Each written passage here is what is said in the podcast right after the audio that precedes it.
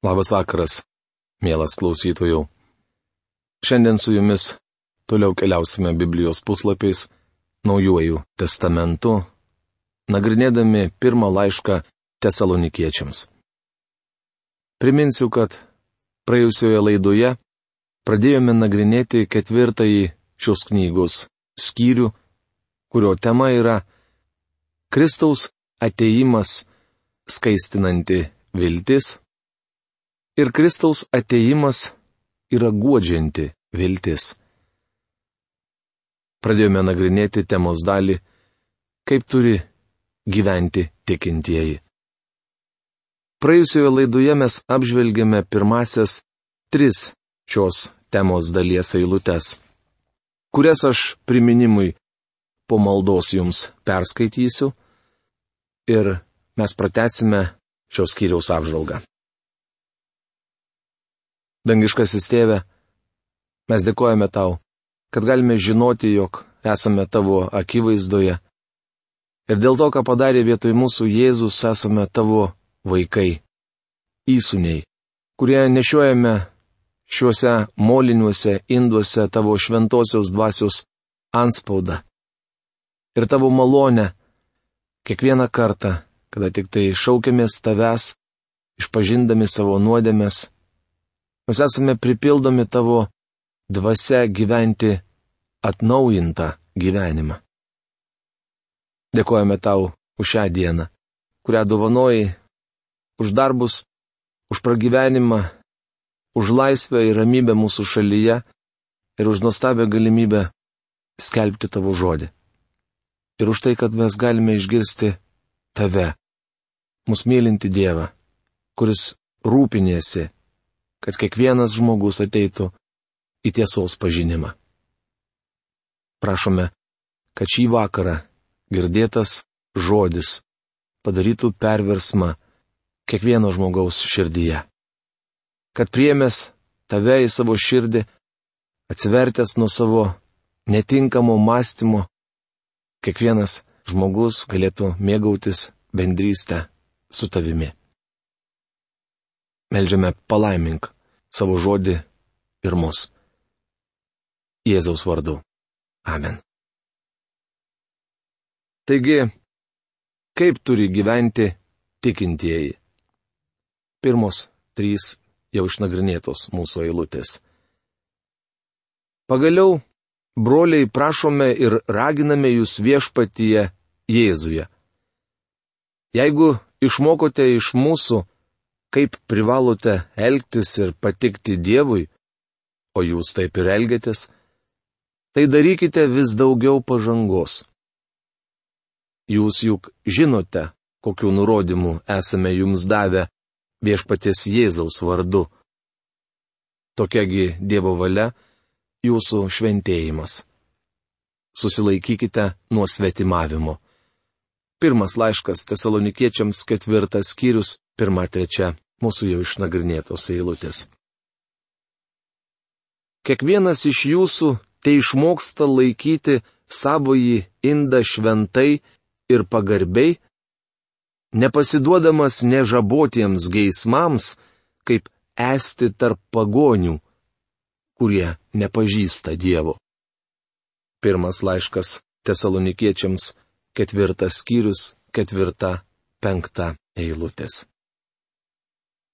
Tesalonikos tikinčiuosius supo pagonys, kurie praktikavo seksą savo religinėse apieigose. Seksas buvo graikų religija. Tai buvo galima sužinoti nuvykus į Korintą. Tačiau tai nebuvo būtina, nes tą patį buvo galima pamatyti ir Tesalonikoje. Paulius sako, jog mes turime gyventi taip, kad mumyse atsispindėtų Evangelijos šlovė. Palaidas gyvenimo būdas, šiandien pasitaikantis tarp kai kurių tikinčiųjų, užtraukia Evangelijai nešlovę. Tokie žmonės negyvena Dievui ir netarnauja. Negalite tarnauti Dievui ir gyventi nuodėmingai. Dievas to nepriima. Kiekvienas jūsų tai išmoksta laikyti savąjį indą šventai ir pagarbiai. Mūsų laikais pribloškia klestintis amoralumas.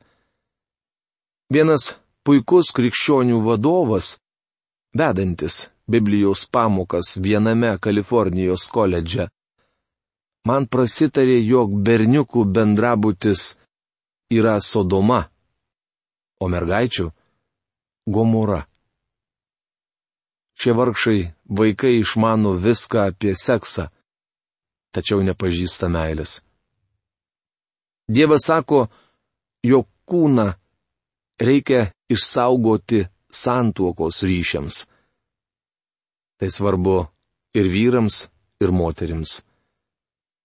Pateikiama įvairiausių priežasčių, kodėl daugelis santuokų tokios nelaimingos.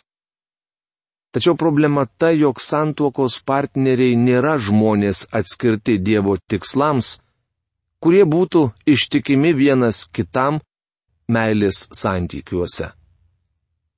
Kai žmogus išsaugo savo kūną santuokai ir yra ištikimas savo partneriui. Jis laiko savo į indą šventai ir pagarbiai. Taip turėtų gyventi kiekvienas Dievo vaikas. Patikėkite, Paulius išdėsto tai labai griežtai. Tegul niekas neperžengia ribų ir neapgaudinėja savo brolio šituo reikalu, nes viešpats keršyje už visus tokius nusižengimus, kaip jau esame sakę ir patvirtinę. Pirmas laiškas tesalonikiečiams, ketvirtas skyrius, šešta eilutė. Tegul niekas neperžengia ribų ir neapgaudinėja savo brolio šituo reikalu. Jei norite būti Dievo vaikas, turite būti sažiningas. Nes viešpats keršyje už visus tokius nusižengimus. Per visą savo gyvenimą ir tarnystę stebėjau, kaip šis principas veikia daugelio tikinčiųjų gyvenimuose. Teko matyti tikinčiuosius, kurie su kitais elgesi nesažiningai, bet Dievas keršijo Jis įsikišo ir juos nuteisė.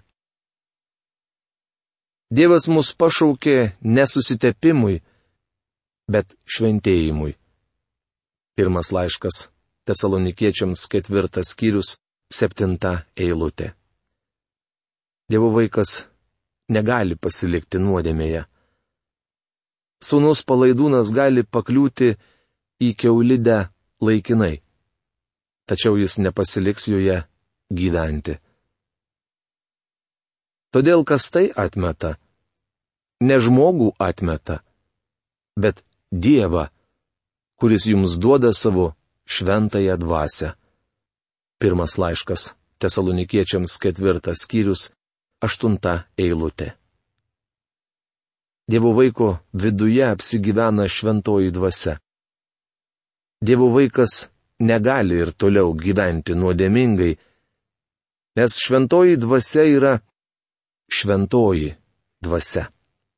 Ateis toks laikas, kuomet Dievo vaikas savo gyvenime ilgėsis šventumo. Šventoji dvasia yra vienintelė, kuri įgalina mus gyventi Dievui. Pauliaus laiške Galatams skaitome, kad Dievo vaikas neturi daryti kūno nuodėmių. Vietoj to, jo gyvenime turi bręsti dvasios vaisiai. Laiško romiečiams aštuntos kiriaus trečioje eilutėje Paulius labai aiškiai kalba. O ko įstatymas nepaėgė. Kodėl? Ar įstatymas neteisingas? Ne. Įstatymas nėra neteisingas. Dešimt Dievo įsakymų nėra neteisingi. problema yra žmogus, o ne įstatymas. Žmogus negali pasiekti dešimties įsakymų lygmens, bet to jis negali įvykdyti ir Naujojo testamento nurodymų. Šventoji dvasia buvo duota tikinčiajam, kad įgalintų jį gyventi Dievui. Dievas suteikė šventąją dvasę kiekvienam tikinčiajam. Jos nereikia stengtis gauti po to, kai žmogus išgelbėjamas. Ta akimirka, kai nusidėjėlis patiki Kristumi, jame apsigyvena Dievo dvasia apaštalų darbų 19 skyriuje skaitome apie tai, jog atvykęs į Efezą, Paulius rado žmonės, kurie teigė esą krikščionys, tačiau apaštalas suprato, jog juose negyvena Dievo dvasia. Jis paklausė Efeziečių, ar jie po išgelbėjimo gavo šventąją dvasę. Tie jam atsakė, jog niekuomet negirdėjo apie tokius dalykus. Jie tik girdėjo apie Jono krikštą.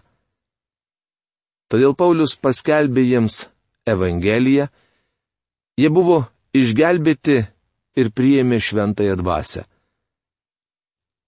Šventąją dvasę žmogus gauna tik tuo met, kai atsiverčia ir ateina pas Kristų tą akimirką tikintysis gauna šventąją dvasę, šventosios dvasios krikštą ir ima priklausyti tikinčiųjų kūnui bei jame funkcionuoti. Po to tikintysis gali daug kartų prisipildyti dvasia ir aš manau, jog mums reikalingas nuolatinis šventosios dvasios pripildymas. Tik šventosios dvasios buvimas mumyse įgalina mus šventai gyventi. Apie brolių meilę nebereikia jums rašyti, nes pats Dievas jūs išmokė mylėti vienas kitą. Pirmas laiškas Tesalonikiečiams ketvirtas skyrius, devinta eilutė. Meilė yra subjektas ir šis Pauliaus teiginys gana stebinantis. Tikintysis turi mylėti savo brolius. Tai antgamtinė meilė, kurios moko Dievas.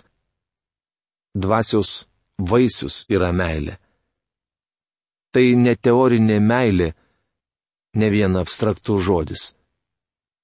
Jau anksčiau minėjome, kad meilė negali būti abstrakti, ji turi būti konkreti. Tokią meilę tikinčiųjų širdyse gali pagimdyti tik šventoji dvasia. Atkreipkite dėmesį, kad Paulius, pakalbėjęs apie šventąją dvasę, iš karto pamini brolių meilę. Jis rašo. Apie brolių meilę nebereikia jums rašyti, nes pats Dievas jūs išmokė mylėti vienas kitą. Aš tikiu, kad meilė yra skiriamasis Dievo vaiko ženklas.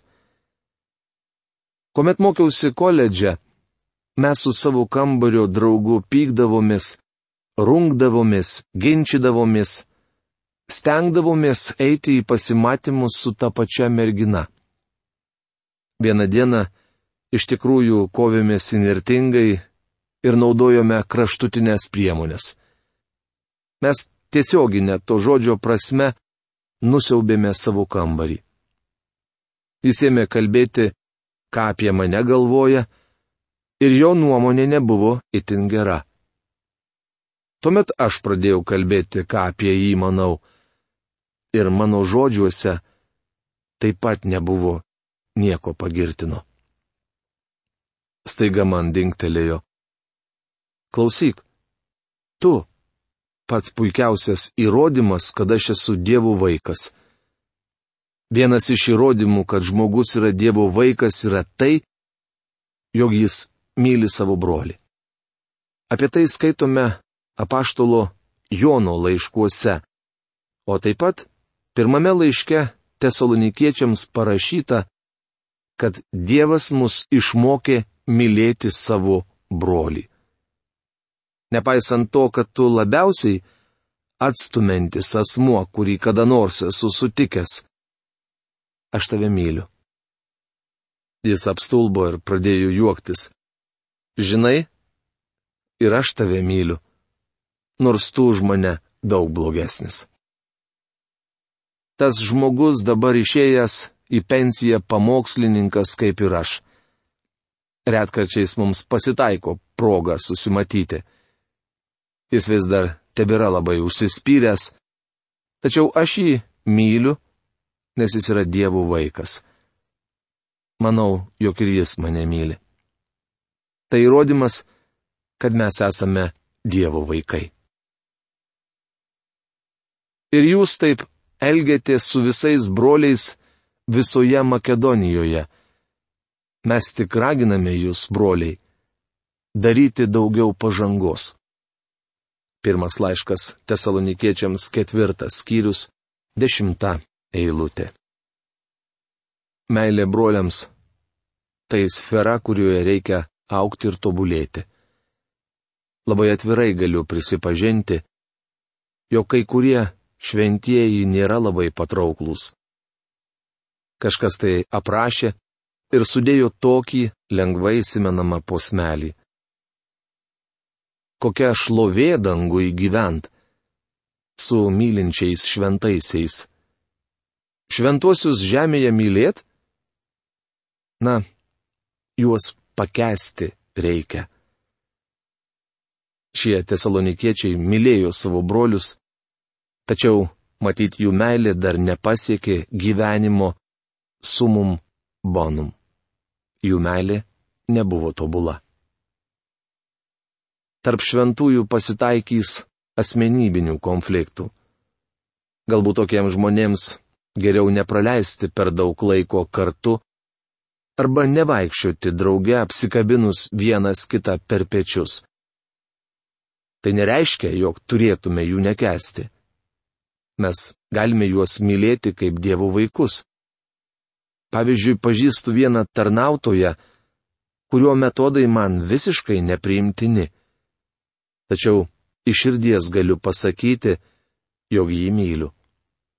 Nepažįstu ne vieno, kuris užlipęs ant scenos taip nuostabiai skelbtų Jėzų Kristų ir jį už tai myliu. Sunkiausias mūsų gyvenimo testas yra meilė broliams.